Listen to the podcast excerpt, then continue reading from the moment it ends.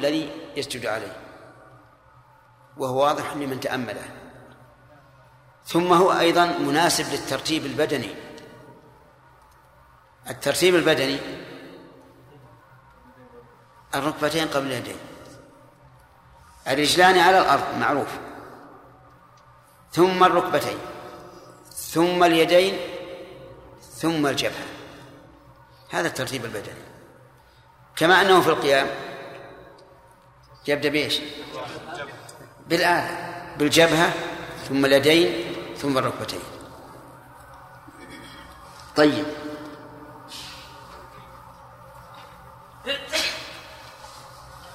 التكبير متى يكون؟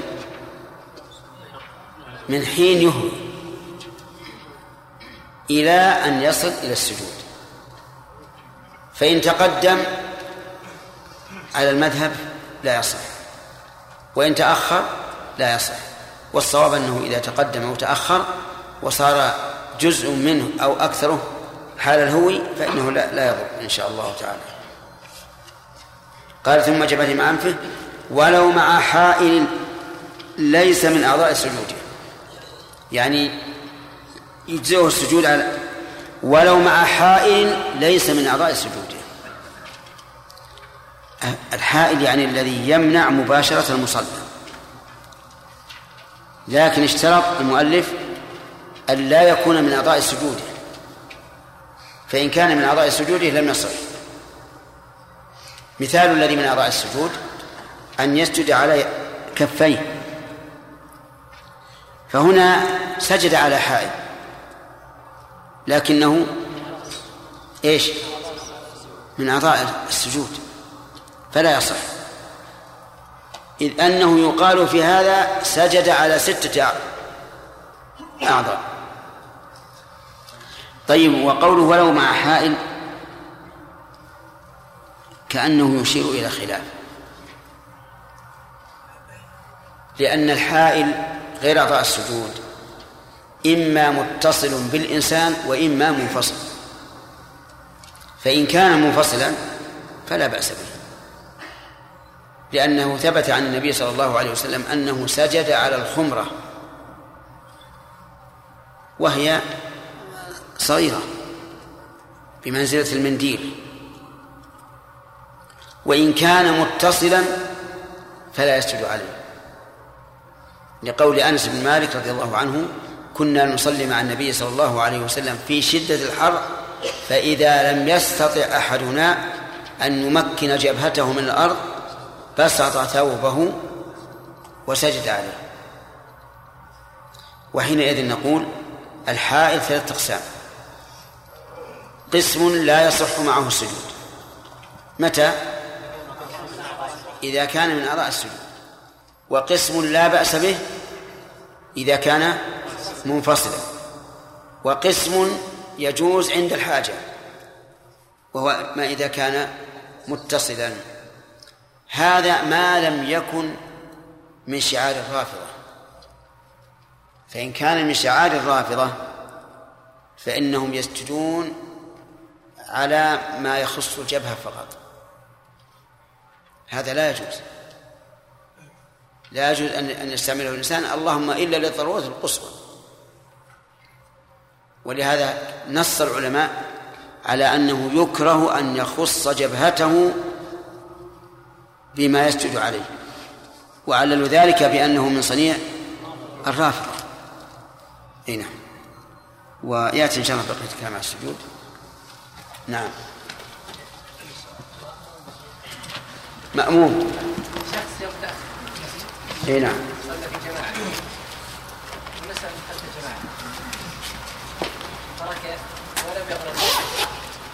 ولم يشهر ولم يشهر بالتكبير. نعم.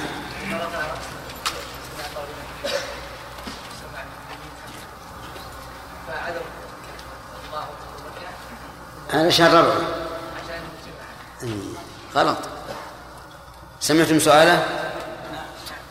يقول إمام نسي أنه إمام فكبر للركوع ولما قال سمع الله لمن حمده عرف أن وراءه جماعة فركع من أجل خاطرهم. ركعة ركعة ثانية. نقول هذا حرام ما يجوز. لكن ماذا يفعلون؟ نقول يركعون ثم يتابعون. إيه. يسجد السهو. نعم. انتهى الوقت جزاكم الله خير. وعلى آله وصحبه أجمعين.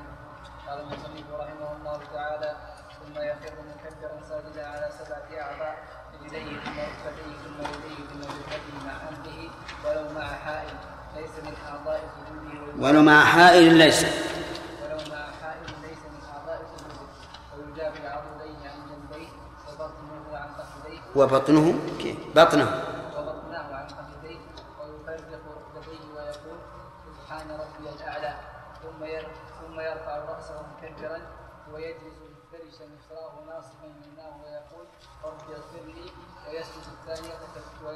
كالأولى ثم بسم الله الرحمن الرحيم. الحمد لله رب العالمين وصلى الله وسلم على نبينا محمد وآله وأصحابه ومن تبعهم بإحسان إلى يوم الدين. سألنا أحد الطلبة عن حال اليدين بعد الرفع من الركوع. لأن المؤلف ما ذكره رحمه الله. فسأل فسألنا عن ذلك. فنقول إن الإمام أحمد رحمه الله قال إن شاء أرسلهما وإن شاء وضع يده اليمنى على اليسرى كما قبل الركوع. فجعله مخيرا. واختار بعض العلماء أنه يضع يده اليمنى على اليسرى. واختار بعضهم أنه لا يضع حتى وصل إلى أنه إلى أن قال إنه بدعة. و وسأعلق على كلمة إنه بدعة.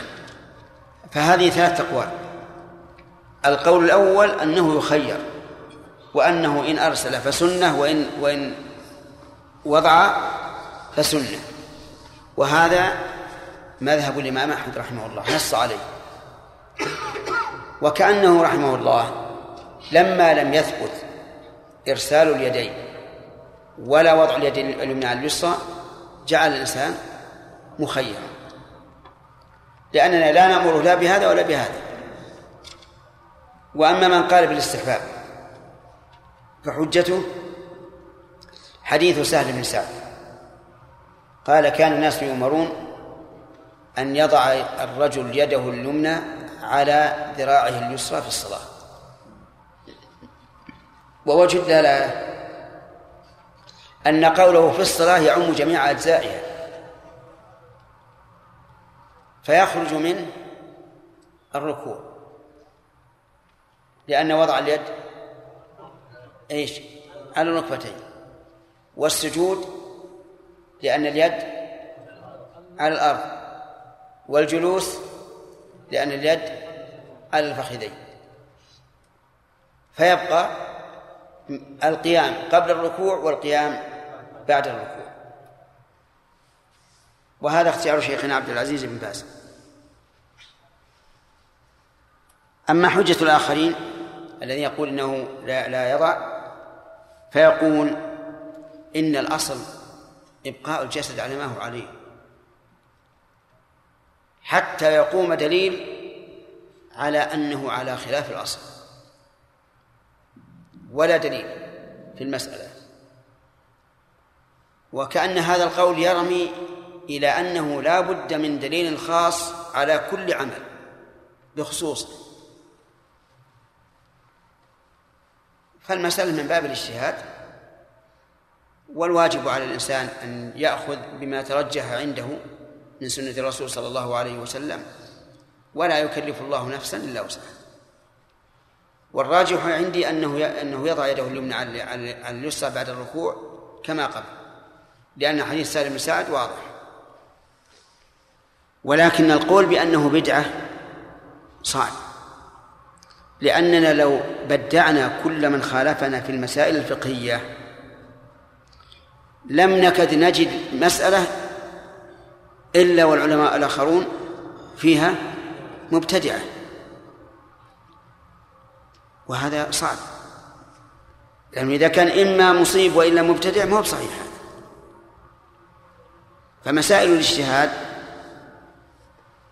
الكل منهم مصيب في اجتهاده لا في موافقة الحق. انتبهوا. الكل من المجتهدين مصيب في اجتهاده لا في موافقة الحق لأن الحق واحد ولا يمكن أن يكون حق مع الرجل وخصمه أبدا لكن الاجتهاد حق كل يجتهد وقد علم كل أناس مشربهم وهذه نقطة مهمة وهي المسائل الفقهية. إذا خالفنا فيها أحد لا لا يحق لنا أن نقول إنه مبتدئ. ما دمنا مجتهد مجتهدين نحن وهو. كيف نقول انه مبتدع؟ وفي احتمال أن نحن مبتدعون. أليس كذلك؟ لأنه لا ينزل علينا الوحي.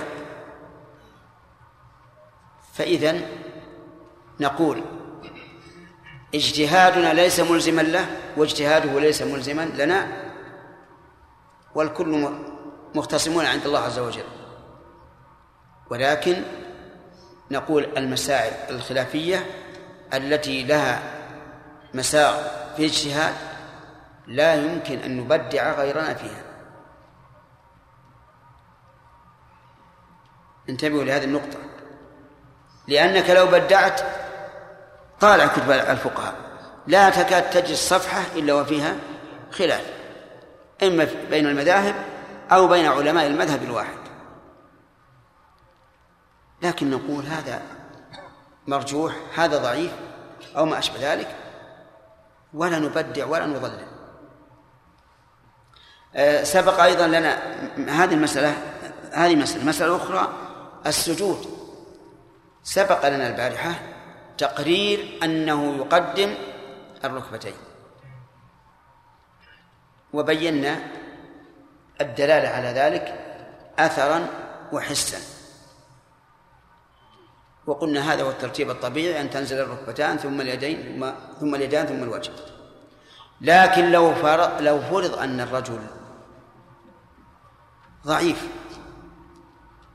أو كثير اللحم أو أو معه ألم في ركبتيه أو كبير شيخ كبير ويشق عليه أن ينزل على الركبتين.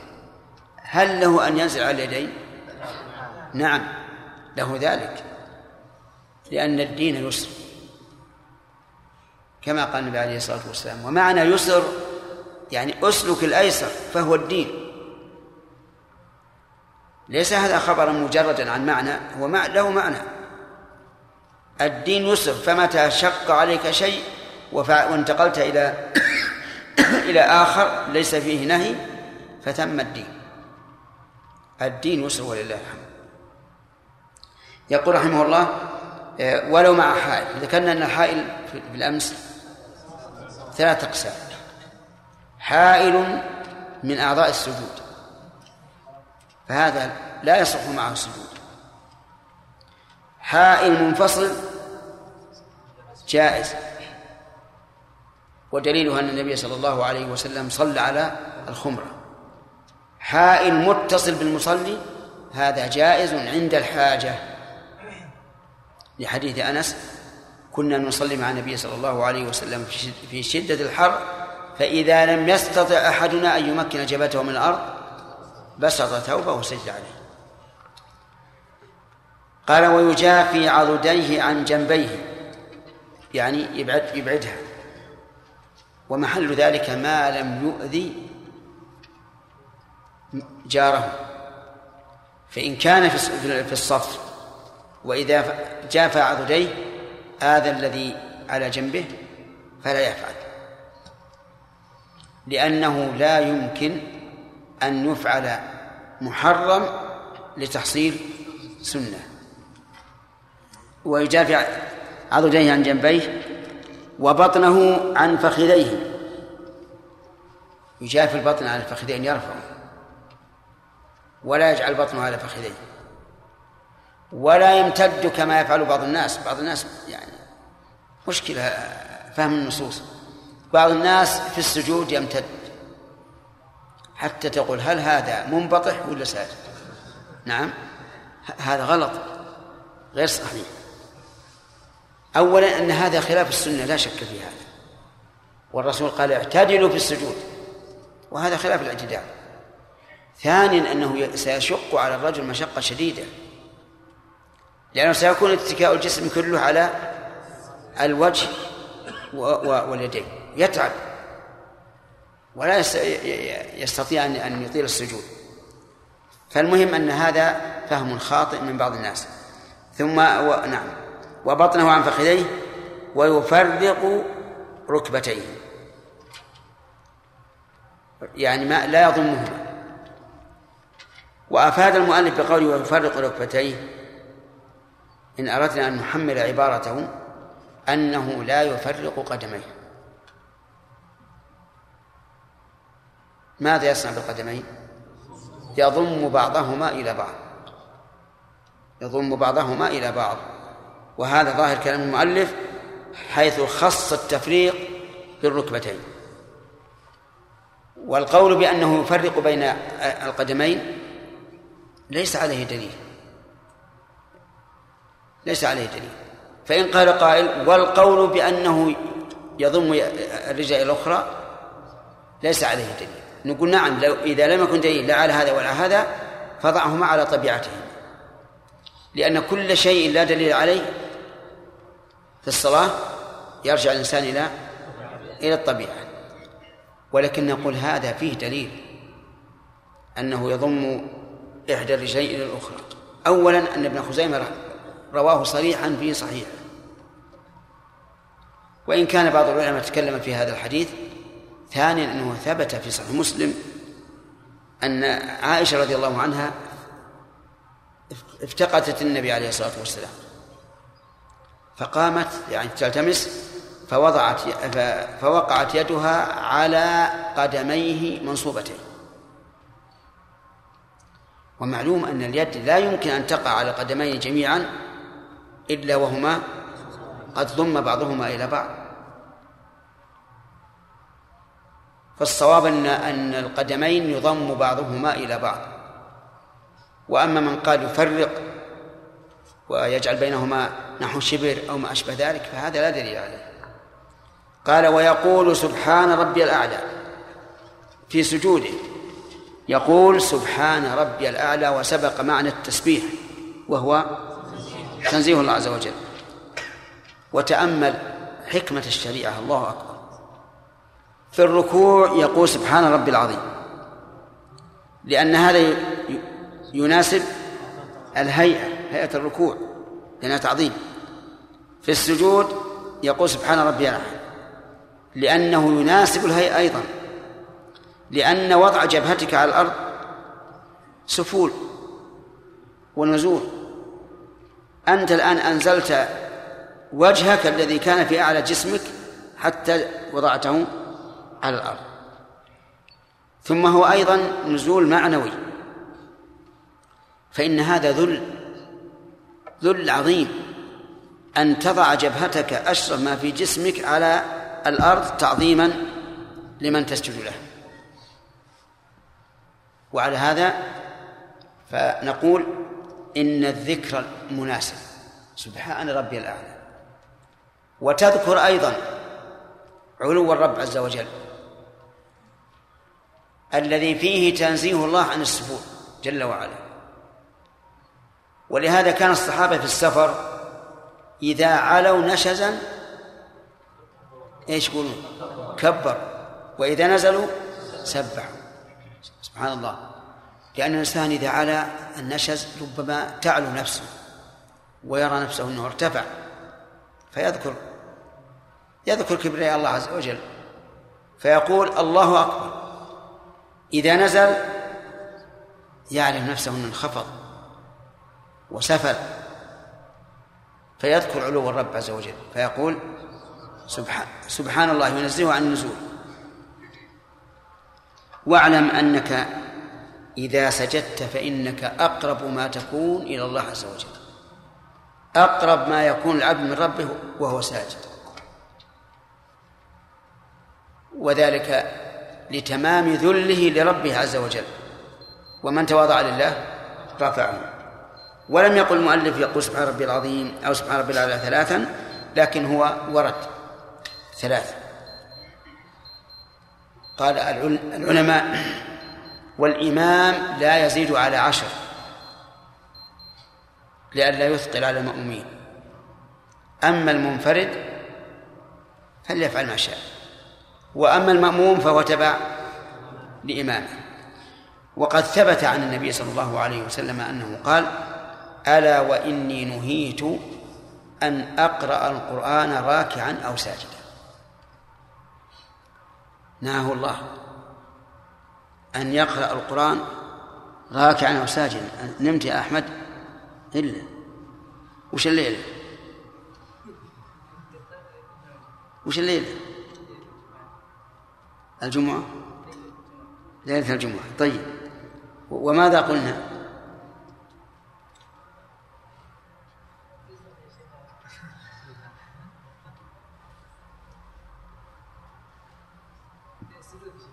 المهم انتبه انتبه. طيب. آه، أقول نهي الإنسان أن يقرأ القرآن راكعا أو ساجدا لأن هذه الهيئة لا تليق بعظمة القرآن.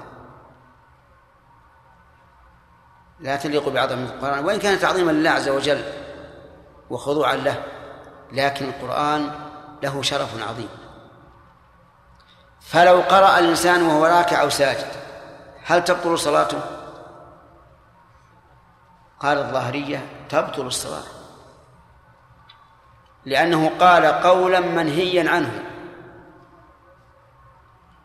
والأصل أن الإنسان إذا فعل في العبادة فعلا منهيا عنه أنها تبطل لأنه منهي عنه بخصوصه كما لو تكلم بطل صلاته فهذا إذا قال إذا قرأ القرآن في الركوع والسجود فإنها تبطل صلاته. وقولهم لا شك أنه له وجاهة. لأن لأن نقول لهذا الذي قرأه وهو راكع وساجد هل هو عاصي لله ورسوله أو لا؟ الجواب هو عاصي لله ورسوله فتبطل الصلاة. لكن الصحيح أنها لا تبطل. لأن النهي هنا عن القراءة ليس لذات القرآن. لكن لأن محله لأنه يقرأ في محل لا يناسب. ثم إن القرآن ذكر مشروع في الجملة في الصلاة. ليس كلام آدميين فالصحيح رأي الجمهور أنها لا تبطل. قال ثم ثم يرفع رأسه مكبرا يرفع رأسه حال كونه مكبرا فالتكبير إذن في حال رفع رفع. ويجلس مفترشا يسراه ناصبا يمناه ويقول رب اغفر لي إلى آخره. يجلس مفترشا يسراه أي راكبا عليها. ناصبا يمناه أي موقفه. وتكون على يمينه ولا على يساره؟ ناصب يمناه على يمينه ولا على يساره؟ على يمينه. طيب. وعلم من كلامه رحمه الله أنه لا يقعي في هذا الجلوس. يعني لا يركب على عقبيه وينصب قدميه. لأن هذه الجلسة فيها مشقة شديدة على الإنسان. والأحاديث كلها تدل على الافتراش. إلا ما روي عن ابن عباس رضي الله عنهما والحديث في مسلم أن الإقعاء سنة. ولكن يبدو لي والله أعلم أنه كان في الأول سنة ثم نسخ. ولم يعلم ابن عباس بالناسخ. كما فعل عبد الله بن مسعود في في وضع اليدين حال الركوع وفي قيام الإمام مع الاثنين. فإن ابن مسعود رضي الله عنه لم يعلم بالناسخ أي بنسخ التطبيق في حال الركوع ونسخ تقدم الإمام إذا كانوا ثلاثة. فأما رجلين من أصحابه وصار بينهما وطبق في حال الركوع يطبق هكذا يقول بيديه أو هكذا ويدخلهما بين فخذيه. وهذا منسوخ لا شك. فالظاهر لي والله أعلم أن ابن عباس رضي الله عنهما لم يبلغه النسخ في مسألة الإقعاء. وكما ذكرت لكم إن في مشقة على الإنسان. فالصواب ما ذهب إليه الجمهور. من أن السنة هو افتراش الرجل اليسرى ونصب الرجل اليمنى. والحمد لله رب العالمين. وسبحانك اللهم ربنا وبحمدك أشهد أن لا إله إلا أنت أستغفرك هو في سؤال الآن؟ ها؟ نشوف هذا؟ ها؟ إيش؟ أي ما وصلنا. ناصل إن شاء الله. لا انفتح الباب خلاص. سبقك بها عكاشة. يا سمير تعال.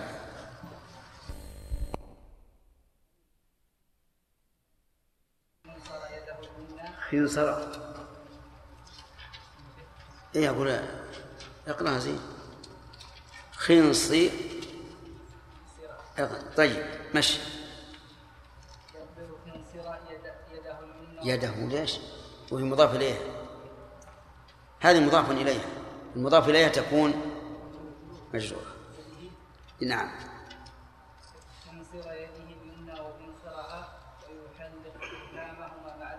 إبهامها. إيه. عندكم بالتثنية لا غلط.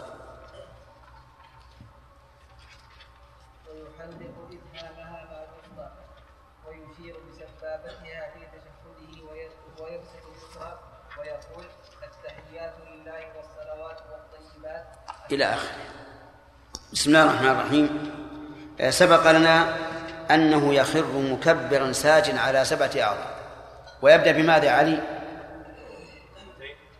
إذا سجد يبدأ بماذا؟ بالركبتين ولا باليدين؟ بالركبتين. طيب ألاك دليل في هذا؟ ما هو؟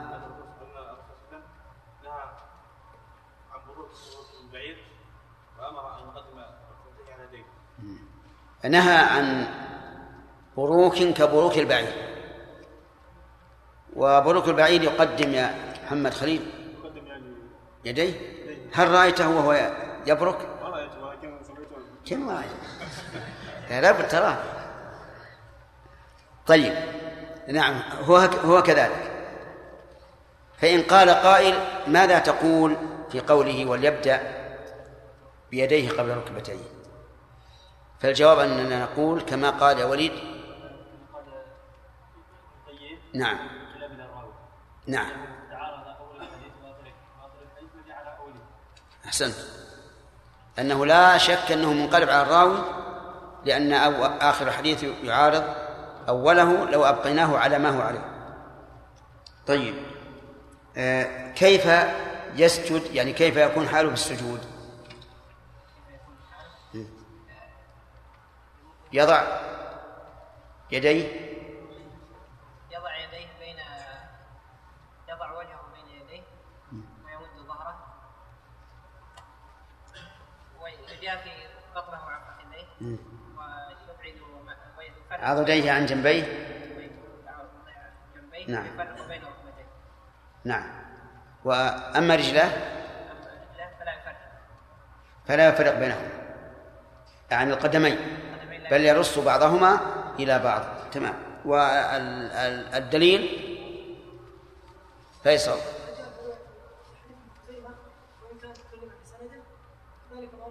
عن عائشه رضي الله عنها قالت في حديث النبي صلى الله عليه وسلم عندما سجد وضعت يدي على قدمه نعم وقعت يدي على قدميه. وهذا لا يمكن أن تقع يدها على قدميه إلا وهما مرصوصتان.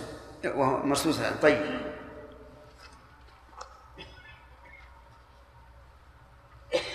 قال ويسجد الثانية كالأولى. لا. أي ويقول سبحان ربي الأعلى وشرحناها وبينا المناسبة فيها. طيب. ثم يرفع رأسه مكبرا. هذا مبتدأ درس الليلة. وقبل أن نبدأ فيه أن تعلمون الآن أن الفرائض ستنتهي إن شاء الله الليلة القادمة. فهل ترون أن نستمر في قراءة الفقه؟ مقدمة. الله تعالى ثم يرفع رأسه مكبرا ويجلس مفترشا يسراه ناصبا يمناه وسبق هذا. وبينا أن ما أن ما رواه مسلم عن ابن عباس في الإقعاء يبدو لنا أنه منسوخ.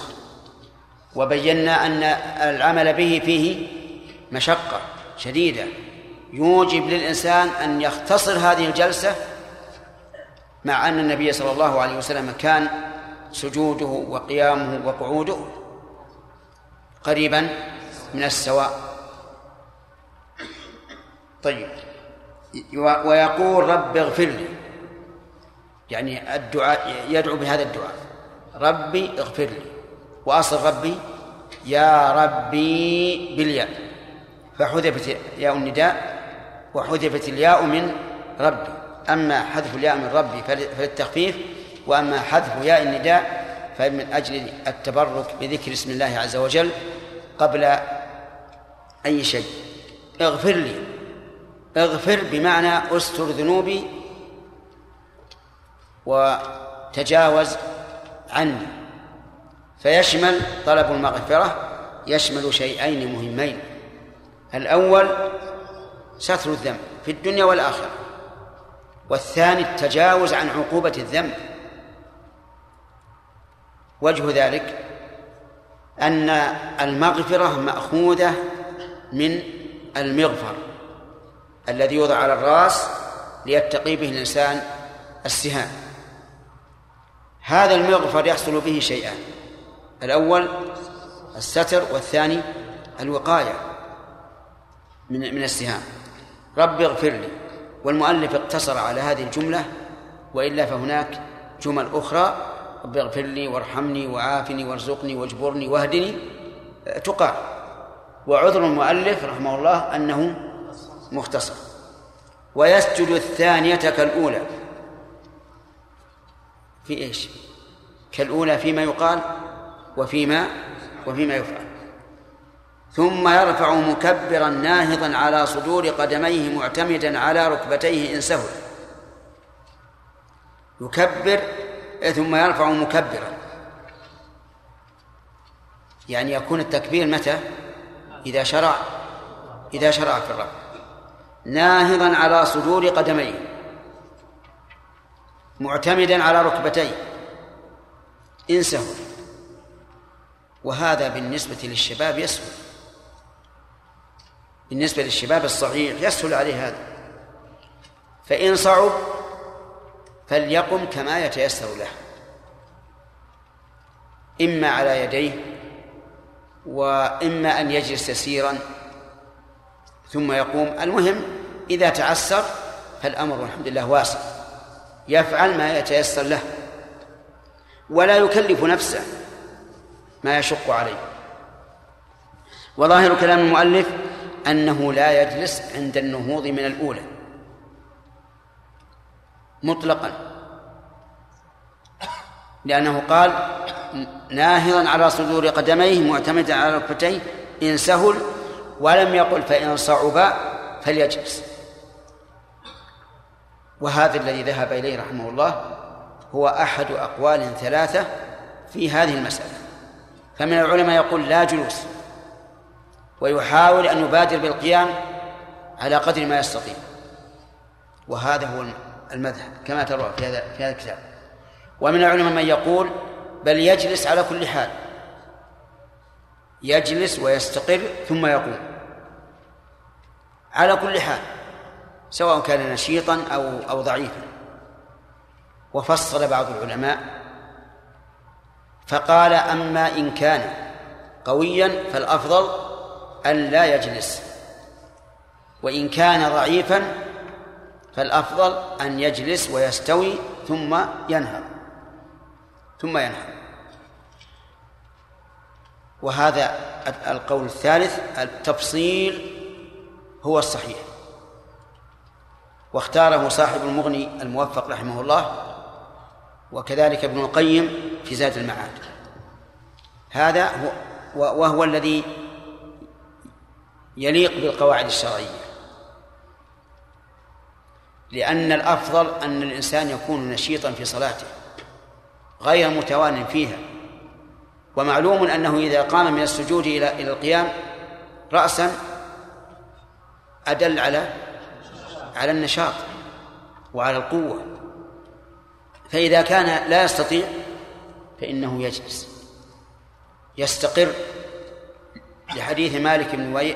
بن الحويرث رضي الله عنه قال كان النبي صلى الله عليه وسلم إذا كان في وتر من صلاته لم ينهض حتى يستوي جالسا.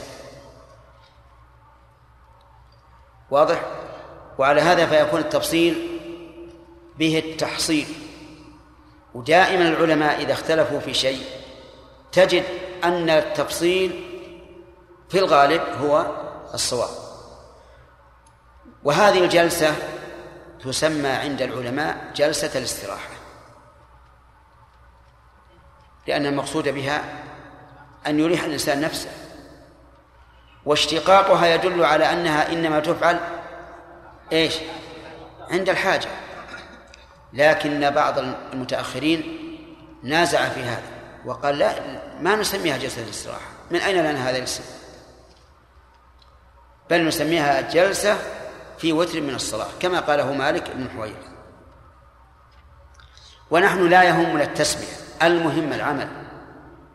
هل نعمل بها أو لا؟ القول الراجح أننا لا نعمل بها إلا عند الحاجة كإنسان ضعيف إنسان مريض إنسان آه، آه، ركبه تؤلمه أو ما أشبه ذلك. ويدل لهذا حديث مالك بن الحويرث نفسه. الذي استدل به من يرى مشروعيتها على كل حال. لأن مالك بن رحمه رضي الله عنه قدم في عام الوفود سنة تسع من الهجرة بعد أن كبر الرسول عليه الصلاة والسلام. ثم إن ظاهر الجلوس هذا أنه محتاج إليه لأنه إذا قام منه يعتمد على يديه. والاعتماد على اليدين لا يكون إلا لحاجة. وهذا يدل على أن القيام مباشرة فيه صعوبة. ثم هذه الجلسة لو كانت مقصودة في الصلاة لكان لها تكبير في أولها وفي آخرها وذكر في حال وجودها وكل هذا منتفع التكبير الأول لإيش؟ للقيام من السجود. ولا ولا شيء بعده. والشارع لا يمكن أن يشرع شيئا عبثا فلو كانت هذه جلسة مقصودة في الصلاة كجلسة التشهد أو بين السجدتين لكان لها ذكر مشروع ولكان لها تكبير عند عند الجلوس وتكبير عند القيام. ولكنها جلسة مشروعة عند الحاجة إليها حتى لا يشق الإنسان على نفسه. فإن قال قائل وهل درء المشقة مقصود للشرع؟ فالجواب نعم مقصود للشرع. ولهذا نهى النبي صلى الله عليه وسلم عن الصيام أبدا وعن القيام بلا نوم وما أشبه ذلك من أجل المشقة. ثم إن قول الله تعالى بعد أن ذكر الصيام يريد الله بكم اليسر ولا يريد بكم العسر. قاعدة عظيمة من من من قواعد الشريعة. فإذا كان المصلي يشق عليه النهوض من السجود إلى القيام رأسا فالأمر الحمد لله واسع. نقول استرح ثم قم. وهذا هو الذي تطمئن إليه النفس أن من كان محتاجا إليها فهي مشروعة في حقه. ويجلس كما ورد. ومن لم يكن محتاجا إليها فلا ينبغي أن يجلس بل يقوم ناهضا على صدور قدميه. فإن قال قائل إذا كنت مأموما وأنا لا أرى استحبابها إلا عند الحاجة والإمام يرى استحبابه فهل أقوم قبله أو أتابعه؟ فالجواب أتابعه. لقول النبي صلى الله عليه وعلى آله وسلم إنما جعل الإمام ليتم به ولأنني لو قمت سبقته إلى القيام. فنقول اجلس. وإن لم وإن لم ترها. بالعكس لو كان الإمام لا يراها والمأموم يراها والإمام ينهض قائما بدون تأخير فهل يسن للمأموم أن يفعلها؟ لا. لا يسن. لأن صلاته الآن ارتبطت بصلاة الإمام. وقد نص على ذلك شيخ الإسلام ابن تيمية رحمه الله في في الفتاوى على أن الإمام إذا كان لا يجلس لا تجلس. ولكن إذا قال قائل هذه جلسة يسيرة لا تخل بالمتابعة كما لو أطلت السجود بعده. قلنا وإطالة السجود بعده إيش؟ غير مشروع. هذه واحدة.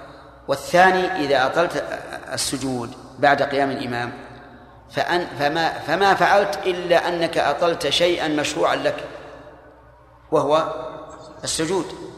أما الجلسة فهي غير مشروعة. ما دام الإمام قد نهض وإذا كان الإمام إذا نهض عن التشهد الأول مع وجوبه وجب على المأموم أن يتابعه؟ فكيف بشيء مستحب على خلاف فيه؟ نعم. كيف؟ نعم. من باب أولى. قال ويصلي الثانية الثانية كذلك. كذلك يعني كالأولى. إلا في أشياء. قال ما عدا التحريمة. يعني بذلك تكبيرة الإحرام. لأنه لو كبر للإحرام إيش يكون؟ بطلت الركعة الأولى. ثم إذا أتى بركعة جديدة ثم قام للثالثة بتكبيرة الإحرام. بطلت الثانية وهلم جرة؟ ولهذا قال ما عدا التحريمة. إذا قال قائل كيف ما عدا التحريمة؟ أليس الساجد يقوم مكبرا؟ أجب بلى. لكن هذه التكبيرة ليست بعد أن يقوم.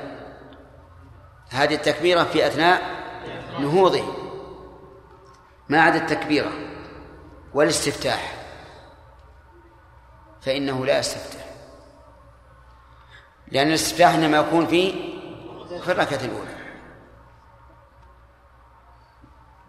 والتعوذ التعوذ يعني قول أعوذ بالله من الشيطان الرجيم. وهذا مبني على أن قراءة الصلاة واحدة. وقال بعض أهل العلم بل يشرع أن يتعوذ في كل ركعة. والذي تميل إليه النفس أنه لا يتعوذ إلا في أول ركعة لأن الصلاة شيء واحد. قراءة بينها تكبير وتسبيح ودعاء. وهذا لا يقطع القراءة الأولى حتى نقول لا بد من تجديد التعوذ الرابع تحريم والاستراحة والتعوذ وتجديد النية. معلوم ما يجدد النية. لو قلنا جدد النية كم يكون من نية في صلاة الرباعية؟ أربع نيات. وهذا غير صحيح. النية الأولى تكفي. ثم إذا قلنا بتجديد النية وقلنا باستحباب النطق بها وهو قول ضعيف جدا صار معناه إنه كل ما قام قال اللهم إني نويت. إيش نويت؟ نويت أن أكمل صلاتي ولا أبدأ صلاتي؟ أن أكمل. انتبه لهذه. يعني لو قلنا بتجديد النية هو يجدد النية للتكميل لا للابتداء. لو جدد النية للابتداء بطل الأول وهذا مشكل.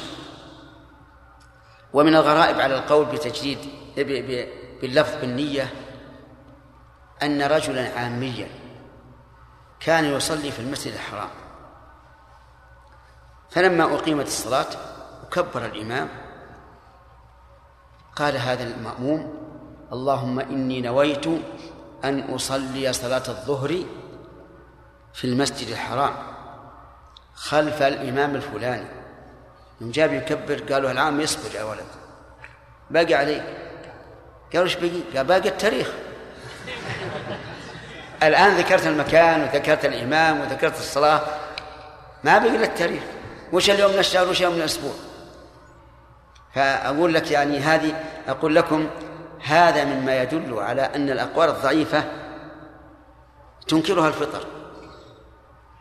هل الرب عز وجل خاف عليه حتى تجهر بالنية لتخبره؟ أبدا. ولقد خلقنا الإنسان ونعلم ما توسوس به نفسه. هل نبيك وإمامك محمد صلى الله عليه وعلى آله وسلم هل كان يجهر بها؟ يقول اللهم إني نويت لا. اذا يا أخي. خير الهدي هدي محمد صلى الله عليه وسلم. السؤال جاء وقته ولا انتهى الوقت؟ نعم. هيئة السجود والركوع. نعم. هل بين الرجال والنساء؟ أي نعم. الصحيح أن صلاة النساء كصلاة الرجال إلا إذا صح الدليل بالمخالفة. لأن الأصل أن ما ثبت بحق الرجال ثابت في حق النساء. وما ثبت بحق النساء ثابت في حق الرجال إلا بدليل. ولهذا كان القول الراجح أن قوله صلى الله عليه وسلم خير صفوف النساء آخرها وشرها أولها في النساء اللاتي يصلين مع الرجال في مكان واحد. أما إذا كن منعزلات فخير صفوف النساء أولها. نعم. نعم إذا نسي الإنسان الاستعاذة في الركعة الأولى نعم. أو عنده هل يستعيد في الثانية أو الرابعة أو الثالثة أو الرابعة؟ الظاهر إذا نسي أنه يستعيد متى ذكر؟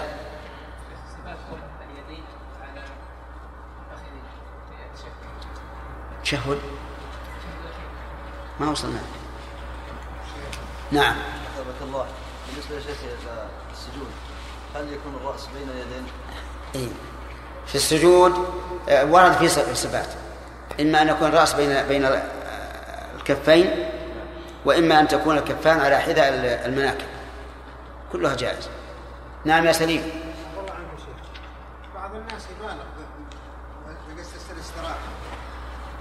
ويصلي يصلي وراه يا شيخ ما يتمكن من السجود والركوع و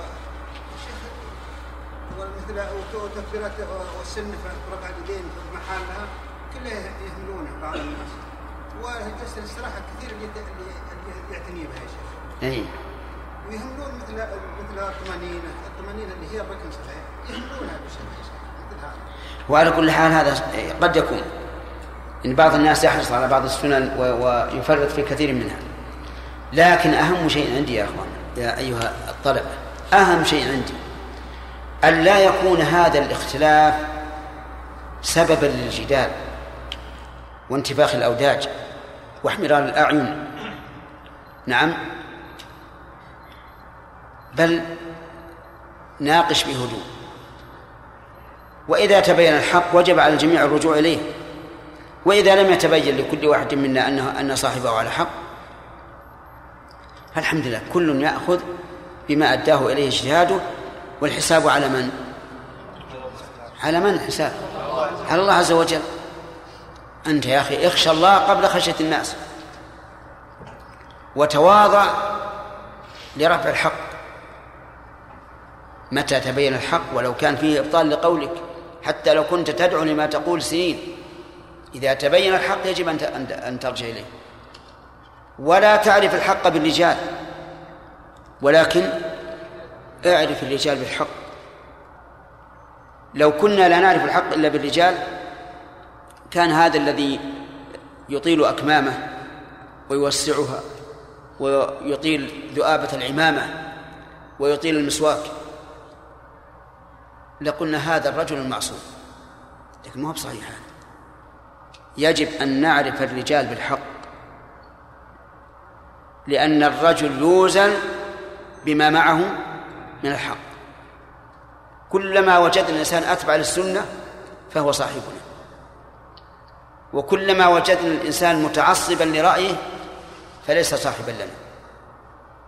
بل ننكره وننكر منهجه. الواجب اتباع السنة حيثما كانت لأننا نحن مأمورون باتباع سيد المرسلين عليه الصلاة والسلام. ويوم يناديهم فيقول ماذا أجبتم المرسلين؟ السؤال عن شيئين عن الرسالة وعن التوحيد. في التوحيد ويوم ويوم يناديهم أين شركائي؟ الذين كنتم تزعمون. فيسأل عن التوحيد ويسأل عن الرسالة. اللهم ثبتنا بالقول الثابت في الحياة الدنيا وفي الآخرة. هذه وش أوراق أسئلة؟ نعم. نعم. بسم الله الرحمن الرحيم. الحمد لله رب العالمين والصلاة والسلام على أشرف الأنبياء والمرسلين وعلى آله وصحبه أجمعين. أما بعد قال المصنف رحمه الله تعالى ثم يجلس مفترشا ويداه على فخذيه يقبض خنصر يده اليمنى وبنصرها. بنصرها وبنصرها. ويحلق إبهامها مع الوسطى ويشير بسبابتها في تشهده ويبسط اليسرى ويقول التحيات لله والصلوات والطيبات السلام عليك أيها النبي ورحمة الله وبركاته. السلام علينا وعلى عباد الله الصالحين. أشهد أن لا إله إلا الله وأشهد أن محمدا عبده ورسوله. وهذا التشهد الأول. ثم يقول اللهم صل على محمد وعلى آل محمد كما صليت على آل إبراهيم إنك حميد مجيد. وبارك على محمد وعلى آل محمد كما باركت على آل إبراهيم إنك حميد مجيد. فيستعيذ من عذاب جهنم وعذاب القبر وفتنة المحيا والممات. وفتنة المسيح الدجال ويدعو بما ورد ثم يسلم عن يمينه. السلام عليكم ورحمة الله وعن يساره كذلك. وإن كان في ثلاثية أو رباعية نهض مبكرا بعد التشهد الأول. مبكرا ولا متأخر؟ كيف مبكر؟ طيب كيف ما تدري؟ ما تعرف أنت؟ أو الذي يقرأ العين؟ لا بس لو أنت تبع حد- صلح صلح. مكبرا.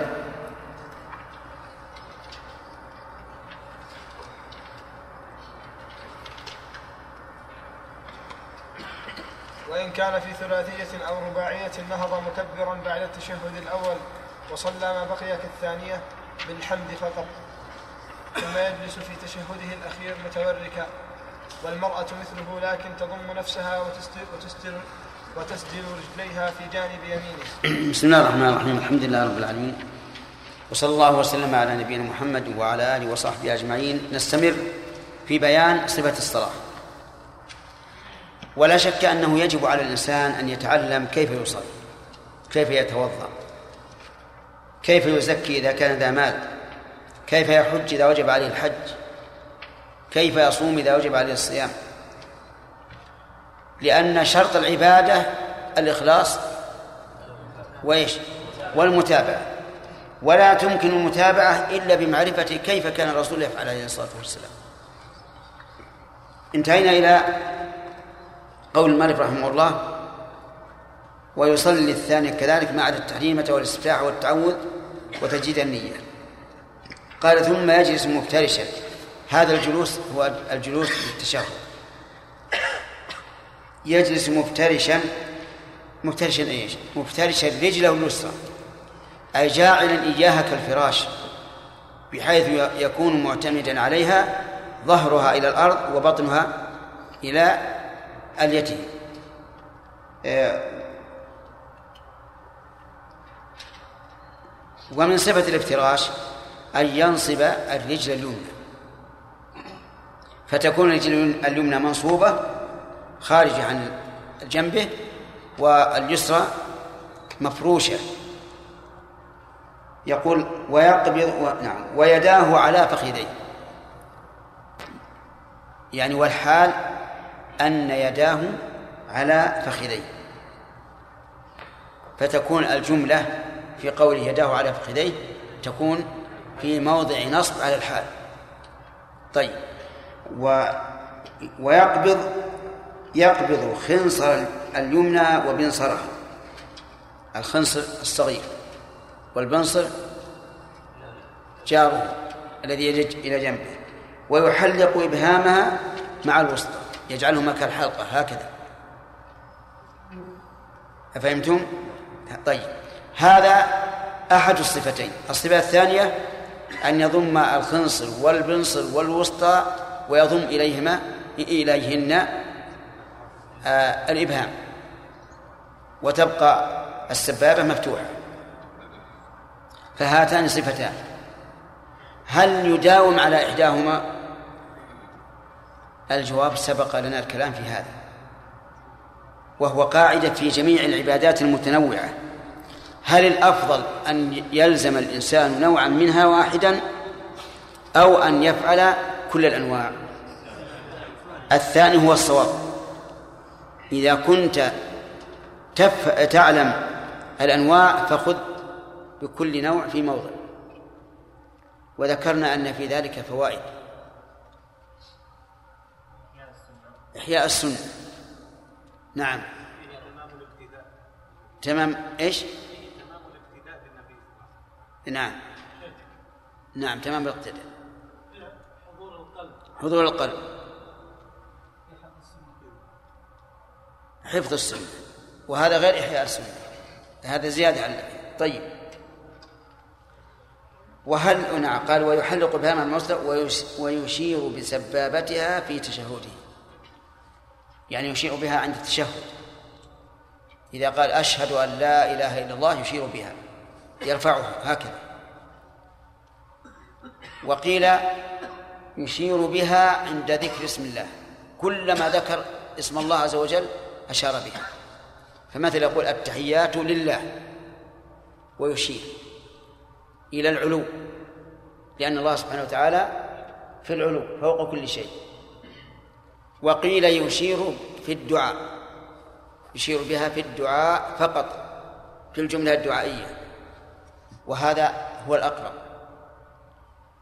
ولم أعلم إلى ساعة هذه أنه يشير بها عند التشهد. ولا عند لفظ الجلالة وإنما جاء الحديث يحركها يدعو بها. يحركها يدعو بها. وهذا يدل على أنها تحرك عند كل جملة دعائية. آه، ننظر في التشهد. السلام عليك أيها النبي. دعاء أو, أو, أو خبر. دعاء. السلام علينا. دعاء. اللهم صل على محمد. اللهم بارك على محمد. أعوذ بالله من عذاب جهنم. المهم في الدعاء. إشارة إلى علو المدعو جل وعلا. والباقي ذكر بعض العلماء أنها تبقى مرفوعة نوعا ما ومحنية الرأس اللي يعني السبابة. والظاهر أنه أنه لا يلزم هذا. يعني يطلقها ولكن لا يضمها إلى الأصابع لو ضمها إلى الأصابع. لكان تعيين ضم الخنصر والبنصر والوسطى والإبهام عبثا. ولو شرع أن تضم لكان يضم الخمسة جميعا هكذا فهي لا تضم. ولكن هل يبقى رافعا لها دائما؟ لا. لأنه لو كان كذلك لم يكن يشير يشير بها عند الدعاء. وهل يبقى يحركها دائما؟ لا. لا يحركها دائما. وهذا إلى العبث أقرب منه إلى المشروع. ولا معنى له.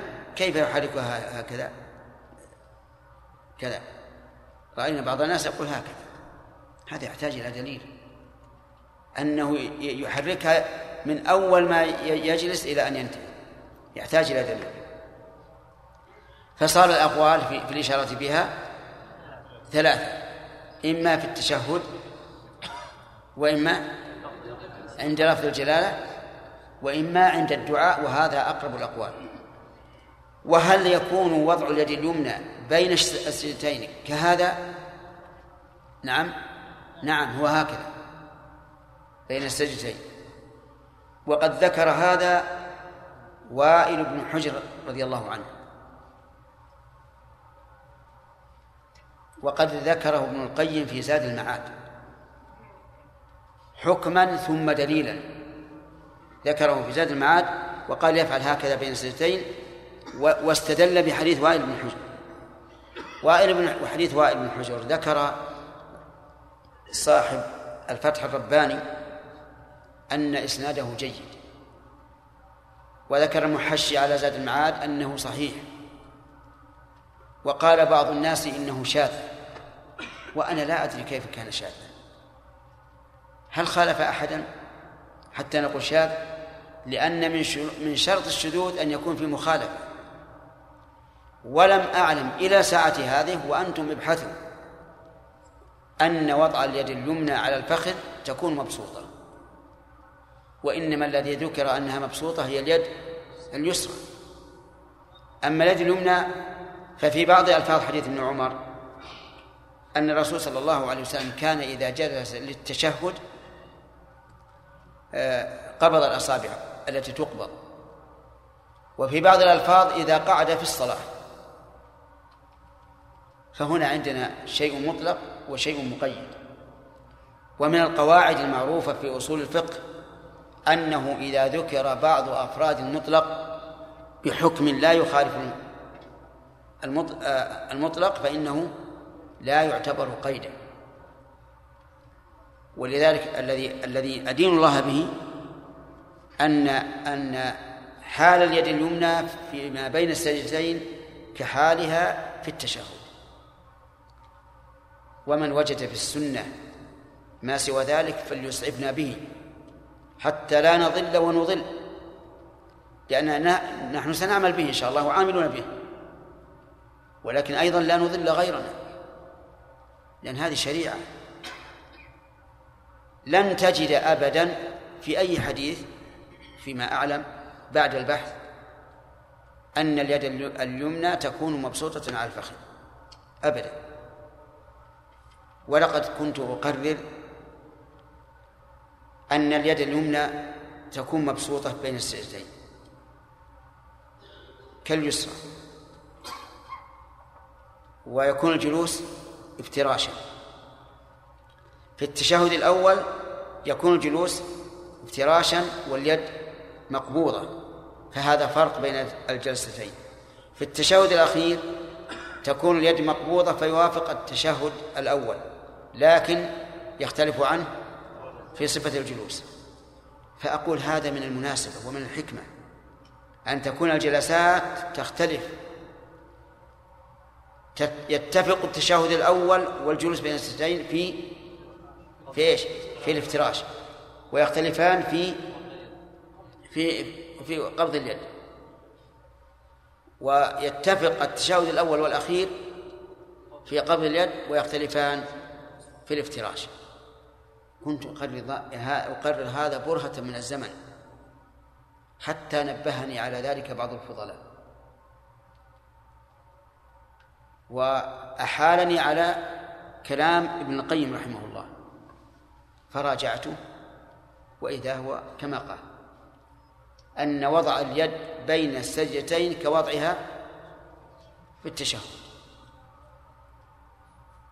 ومع ذلك أنا أقول لكم أرجو منكم إذا وجدتم شيئا يخالف ذلك فأسعفون به. نحن نطلب الدليل في هذا وغيره. طيب. أما اليسرى فتبسط على الفخذ. وهذا إحدى الصفتين. في الصفة الثانية أن اليد اليمنى تقدم حتى تكون على رأس الركبة وهي مقبوضة. واليد اليسرى تلقم الركبة.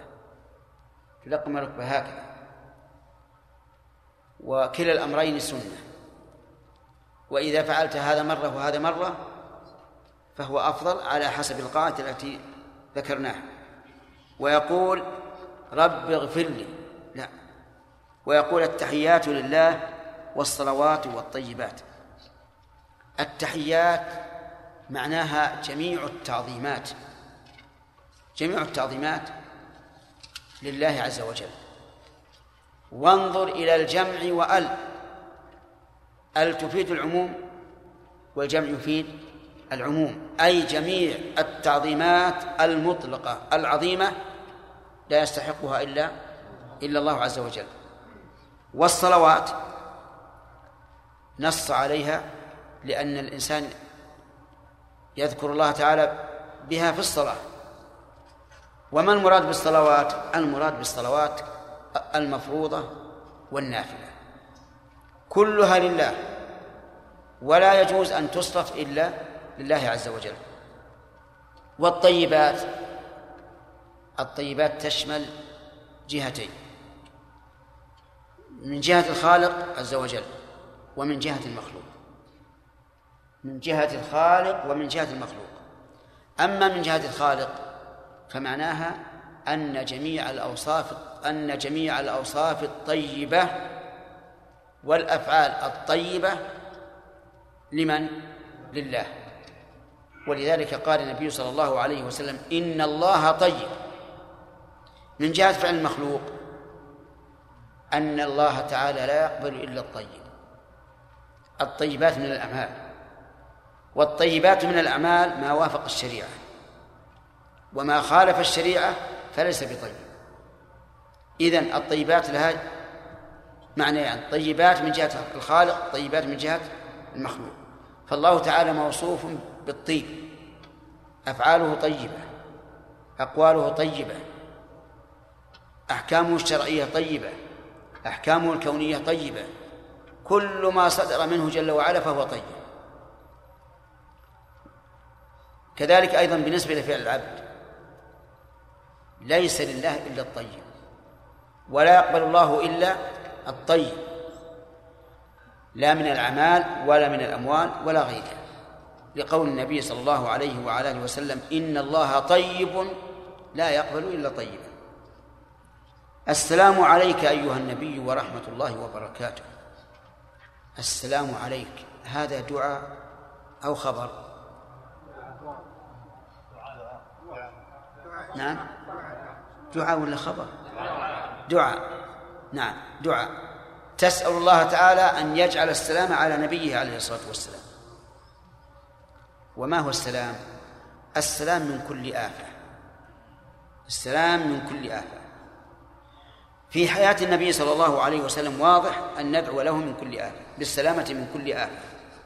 وهل بعد مماته يمكن أن تلحقه آفة حتى ندعو له بالسلامة؟ الجواب نعم يمكن. يمكن أن يسطو عدو فاجر على قبره فيستولي على جثته.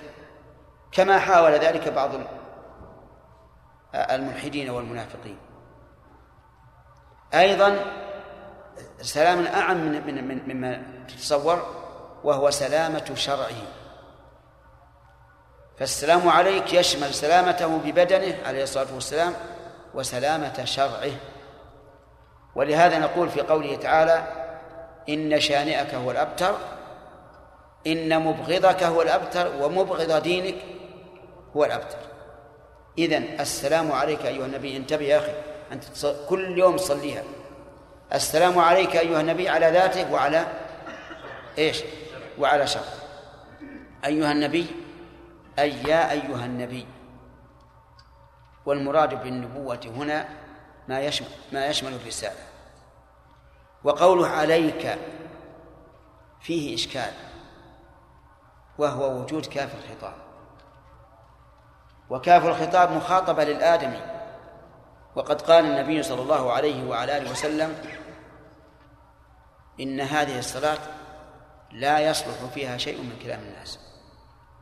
فما الجواب عن هذه الشبهة؟ الجواب أن الذي يقول في صلاته السلام عليك أيها النبي لا يريد أن هذا كخطابه فيما لو مر به. أليس كذلك؟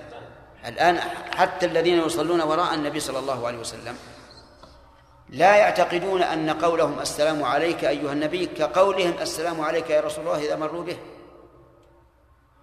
ولذلك لا لا يترقبون من الرسول صلى الله عليه وسلم إجابة ولا هم يجهرون بها حتى يسمع. فإذا قال قائل إذا ما الفائدة؟ لماذا لا نقول السلام على النبي؟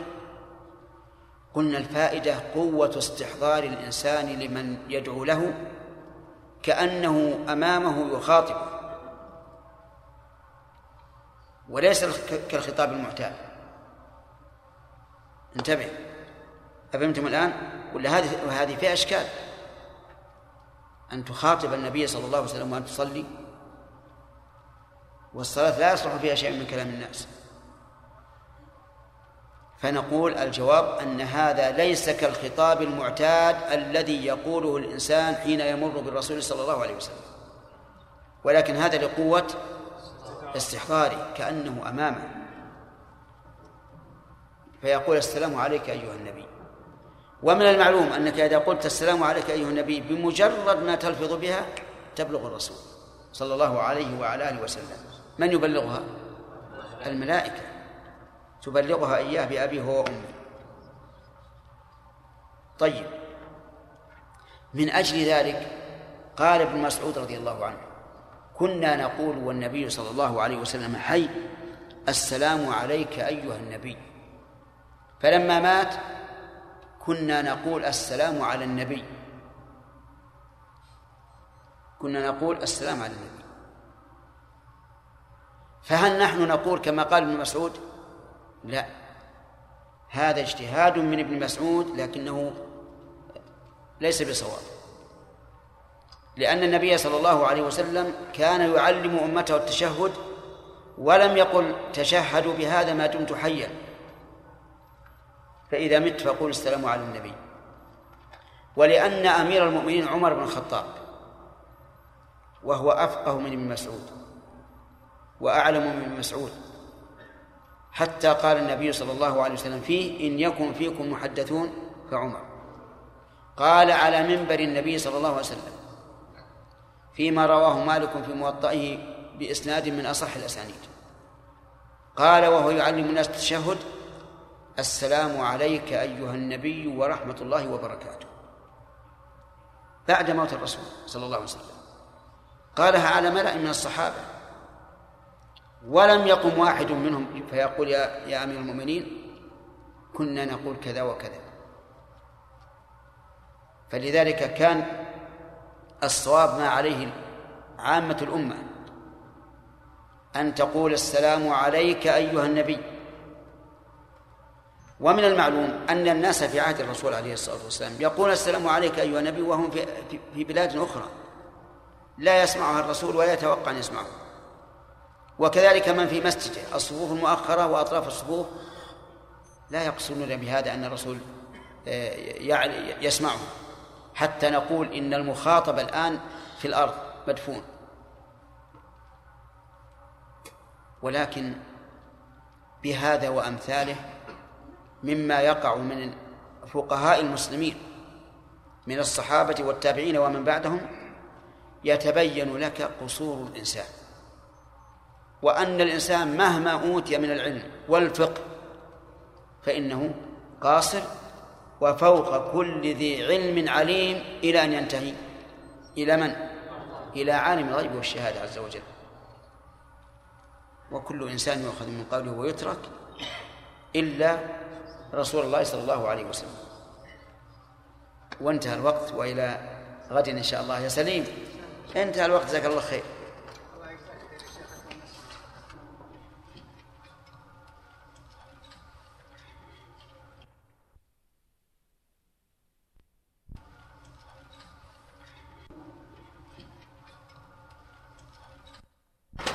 أما بعد فقد قال المصنف رحمه الله تعالى ثم يقول اللهم صل على محمد وعلى آل محمد كما صليت على إبراهيم إنك حميد مجيد. وبارك على محمد وعلى آل محمد كما باركت على آل إبراهيم إنك حميد مجيد. ويستعيذ من عذاب جهنم وعذاب القبر وفتنة المحيا والممات وفتنة المسيح الدجال. ويدعو بما ورد بسم الله الرحمن الرحيم. الحمد لله رب العالمين. وصلى الله وسلم على نبينا محمد وعلى آله وصحبه أجمعين. انتهينا في صفة الصلاة والحمد لله إلى التشهد الأول. التحيات لله والصلوات والطيبات. فما معنى التحيات؟ الأخ اللي وراء اللي وراك. إيش معنى التحيات؟ نعم يعني جميع التعظيمات. ثابتة لله عز وجل. الطيبات الأخ. الطيبات نوعين طيبات تتعلق بالخالق نعم. طيبات ثابت لله عز وجل. وتتعلق بالمخلوق فإن كل ما موافق الشرع فإن الله عز وجل يقبل يعني معناها الطيبات من من أقواله سبحانه وتعالى وأفعاله وأحكامه والطيبات من أفعال الخلق. طيب. إذن لا يمكن أن يوصف الله تعالى بخلاف الطيب. كذا؟ لأنك يعني أنت تقول الطيبات لله ولا يتقرب إليه بالخبيث لأنك تقول الطيبات لله. السلام عليك أيها النبي. السلام على النبي بعد موته سامع سامع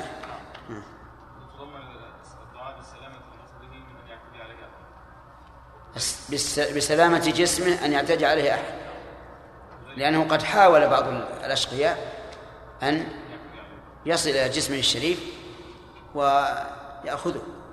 هذه واحدة. نعم.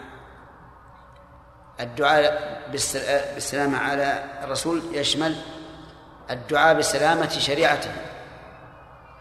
وما أكثر الذين يحاولون هدم هذه الشريعة عقيدة وعملا ومعاملة أليس كذلك؟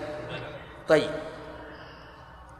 وقوله ورحمة الله وبركاته بدأ بالسلام قبل الرحمة لأن السلام فيه الخلو من الآفات والرحمة فيها حصول الخيرات وبركات جمع بركة وهو أن يبارك الله سبحانه وتعالى لهذا الرسول الكريم بالعمل وبكل شيء. ولقد بارك الله عليه. من أكثر الأنبياء تابعا؟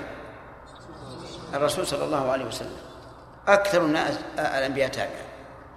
ومن بركته عليه الصلاة والسلام أو من بركة الله عليه أن جعل من أمته العلماء الربانيين والعباد الأتقياء. فإن كل عمل يقوم به واحد من هذه الأمة فللنبي صلى الله فللنبي صلى الله عليه وسلم مثل أجر كل عمل. من يحسب من يحسن الأمة؟ لا يحصيهم إلا الذي خلقه ولهذا كان من من الخطأ وإن شئت فقل من السفه أن يهدي الإنسان ثواب شيء من الأعمال الصالحة للرسول عليه الصلاة والسلام. يعني لا يشرع أن تضحي له أو أن تحج له أو أن تصدق له. هذا غير مشروع. قد يقول العام أعوذ بالله غير مشروع أتصدق عن أبوه ولا تصدق عن رسول الله؟ نعم. ربما يقول هكذا. فنقول نعم. رسول الله صلى الله عليه وسلم قد أخذ أجرك قبل أن تهديه. أليس كذلك؟ لو تصدقت لنفسك فللرسول مثله فما إهداؤك الصدقة للرسول فما إهداؤك ثواب الصدقة للرسول إلا حرمان نفسك من ثوابها فقط. وإلا فالأجر واصل. ولهذا كان أفقه الأمة بشريعة الله لم يفعلوا ذلك بالنسبة للرسول عليه الصلاة والسلام. ما منهم أحد ضحى عنه أو اعتمر عنه أو حج عنه أبدا. ولهذا نعتبر هذا الأمر بدعة. وكل بدعة ضلالة. طيب. السلام علينا وعلى عباد الله الصالحين. سبحان الله ما أحسن هذا الترتيب. بدأ أولا بحق الله عز وجل. ثم بحق الرسول صلى الله عليه وسلم. ثم بحقنا أنفسنا. ثم بحق عباد الله الصالحين. ترتيب عظيم. يبدأ بالأهم فالأهم. السلام علينا وعلى عباد الله الصالحين. هل هل نعتبر أنفسنا داخل داخلين في قوله عباد الله الصالحين؟ نعم. وعليه فيكون تعميم فيكون تعميما بعد تخصيص. طيب. وعلى عباد الله الصالحين من الصالحون؟ الصالحون هم الذين قاموا بحق الله وحق العباد. الذين قاموا بحق الله وحق العباد. لكن إن كملوا ذلك بالمكملات التحقوا بالصديقين والشهداء. أشهد أن لا إله إلا الله وأشهد أن محمدا عبده ورسوله. اللهم توفنا عليها يا رب العالمين. أشهد أن لا إله إلا الله يعني أعترف بلساني موقنا بقلبي أن لا إله إلا الله.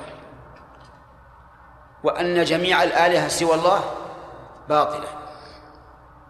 لقول الله تعالى ذلك بأن الله هو الحق وأن ما يدعون من دونه هو الباطل. لكن هل تسمى هل يسمى ما دونه آلهة؟ نعم نص القرآن. فلا تدع مع الله إلها آخر فتكون من المعذبين. فما أغنت عنهم آلهتهم التي يدعون من دون الله من شيء لما جاء من ربك. لكن هذا كل الآلهة باطلة إلا الله عز وجل. إذن أن لا إله إلا الله يعني لا يوجد إله حق إيش؟ إلا الله. ولذلك كان أصح الأقاويل في خبر لا النافع للجنس أنه محذوف وتقديره حق. لا إله حق إلا الله. وما معنى إله؟ قال العلماء إله بمعنى مألوه. إله بمعنى مألوه. يعني لا مألوه أي لا أحد تأله القلوب. وتحن إليه وتحبه وتعظمه وترجوه وتخافه. وتتوكل عليه إلا إلا الله عز وجل. وأشهد أن محمدا عبده ورسوله. وهذه العبودية أخص أنواع العبودية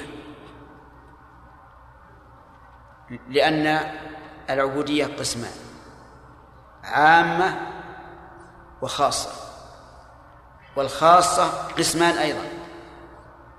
خاصة أخص وخاصة فوق ذلك. العبودية العامة هي التذلل لله عز وجل كونا وقدرا.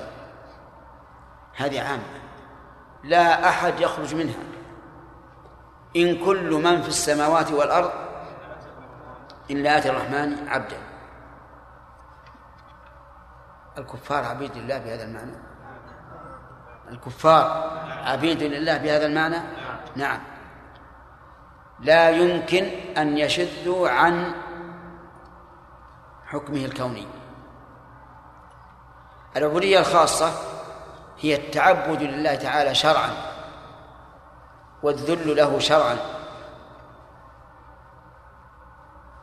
ثم هذه العبودية الخاصة تنقسم إلى قسمين أخص وفوق ذلك. أخص العبوديات الشرعية هي عبودية الرسل عليهم الصلاة والسلام. هم أعبد الناس لله. وللرسول صلى الله عليه وسلم محمد بن عبد الله أخصها وأعظمها. عبده ورسوله وفي ورسوله يعني مرسله. لأن الله تعالى أرسله إلى من؟ وأرسلناك للناس رسولا كل الناس.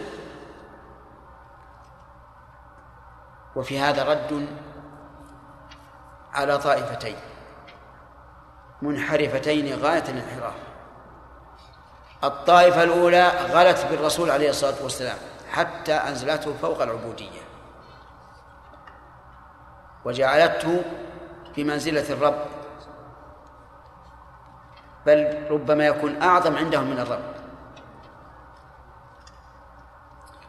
ولذلك تجد عندهم من الانكسار من انكسار النفس والذل إذا ذكر الرسول صلى الله عليه وعلى آله وسلم أكثر مما يكون عندهم إذا ذكر الله.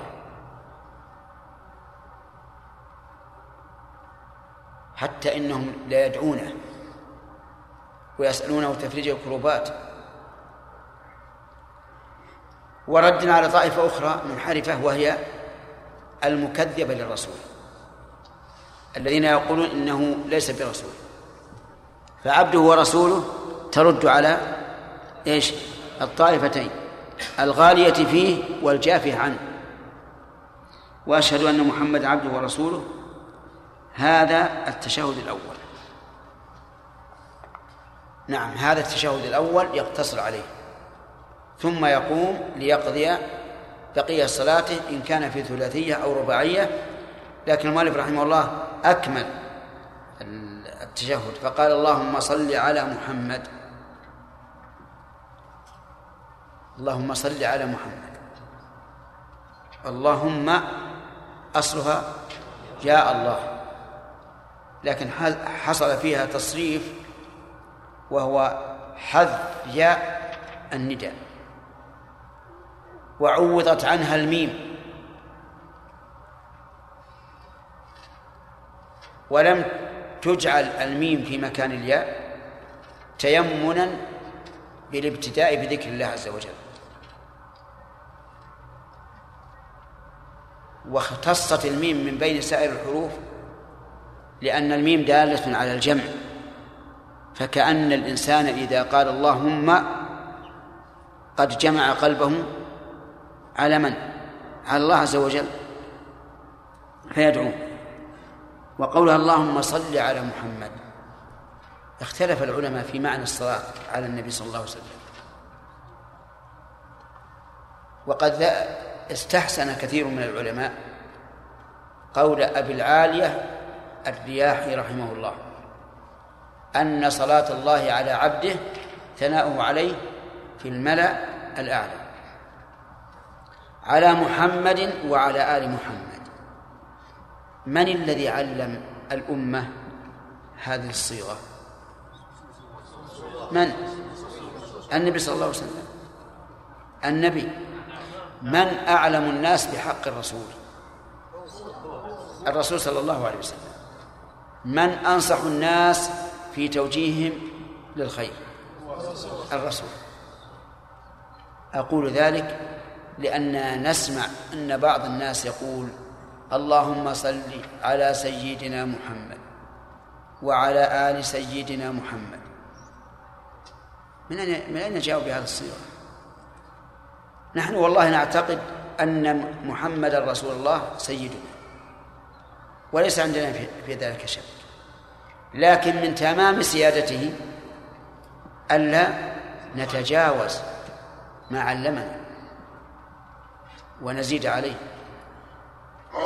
ولهذا نقول إن من قالوا اللهم صل على سيدنا محمد هم إلى الإثم أقرب منهم إلى السلامة إلى الإثم. أما الأجر ما لهم أجر. لأنهم زادوا في دين الله ما ليس منه. نحن نعلم أن الرسول سيدنا ونقول كما قال عليه الصلاة والسلام أنا سيد ولد آدم. لكن من سيادته علينا ألا إيش؟ ألا نتجاوز ما علمنا. طيب شوف الآن اللهم صل على محمد ما قلنا على رسول الله. لأننا أثبتنا ذلك في في الأول. السلام عليك أيها النبي. فإذا قال قائل أليس الله تعالى يقول لا تجعلوا دعاء الرسول بينكم كدعاء بعضكم بعضا؟ نعم. إيش؟ لا تجعل دعاء الرسول. إيش؟ بينكم كدعاء بعضكم بعضا. قلنا بلى قال الله ذلك. لكن ما معنى الآية؟ هل معناها إذا ناديتموه لا تجعلوه كما تنادون ينادي بعضكم بعضا ولكن نادوه بالنبوة أو بالرسالة؟ أو المعنى لا تجعلوا دعاءه إياكم كدعاء بعضكم بعضا إن شئتم أجبتم وإن شئتم لا تجيبون. كلاهما كلاهما. يعني لا تدعوه باسمه كما يدعو بعضكم بعضا. ولا تجعلوا دعاءه إذا دعاكم كدعاء بعضكم بعضا. إن شئتم أجبتم وإن شئتم فلا. قلنا بلى. لكن دعاءه إنشاء واللهم صل على محمد. إخبار. وباب الإخبار أوسع من باب الإنشاء. فلذلك ينهى الرجل أن يقول يا محمد. ولكن لا ينهى أن يقول اللهم صل على محمد بل هذا هو الذي أرشد إليه النبي صلى الله عليه وعلى آله وسلم.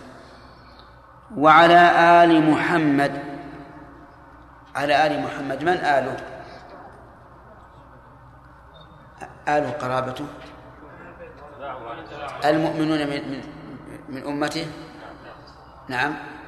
قال بعض الناس الآل هم الأقارب. وهذا لا شك فيه. لكننا نعلم أن أننا إذا قلنا إن آل الرسول أقاربه على الإطلاق دخل فيهم أبو لهب. ولهذا قال قال الشاعر أو الناظم آل النبي هم أتباع ملته من الأعاجم والسودان والعرب. لو لم يكن آله إلا قرابته صلى المصلي على الطاغي أبي لهب. نعم. لكن نقول الصحيح أن الآل إن قرنت بالأصحاب والتابعين فالمراد بها المؤمنون من قرابته. وأول ما يدخل فيهم زوجاته. وأما إذا ذكر مفردا مثل التشهد فالمراد بهم المؤمنون من أمته. فإن قال قائل وهل تأتي آل في اللغة العربية بمعنى الأتباع؟ الجواب نعم. اقرأ قول الله تعالى النار يعرضون عليها غدوا وعشيا ويوم تقوم الساعة أدخلوا من؟ آل فرعون أشد العذاب. آل يعني أتباعه. وليس المراد قرابة فرعون فقط. كما صليت على آل إبراهيم إنك حميد مجيد. نزاع كثير على قولك كما صليت على إبراهيم. ووجه النزاع أنهم قالوا إن المشبه أدنى حالا من المشبه به. أدنى حالا من المشبه به.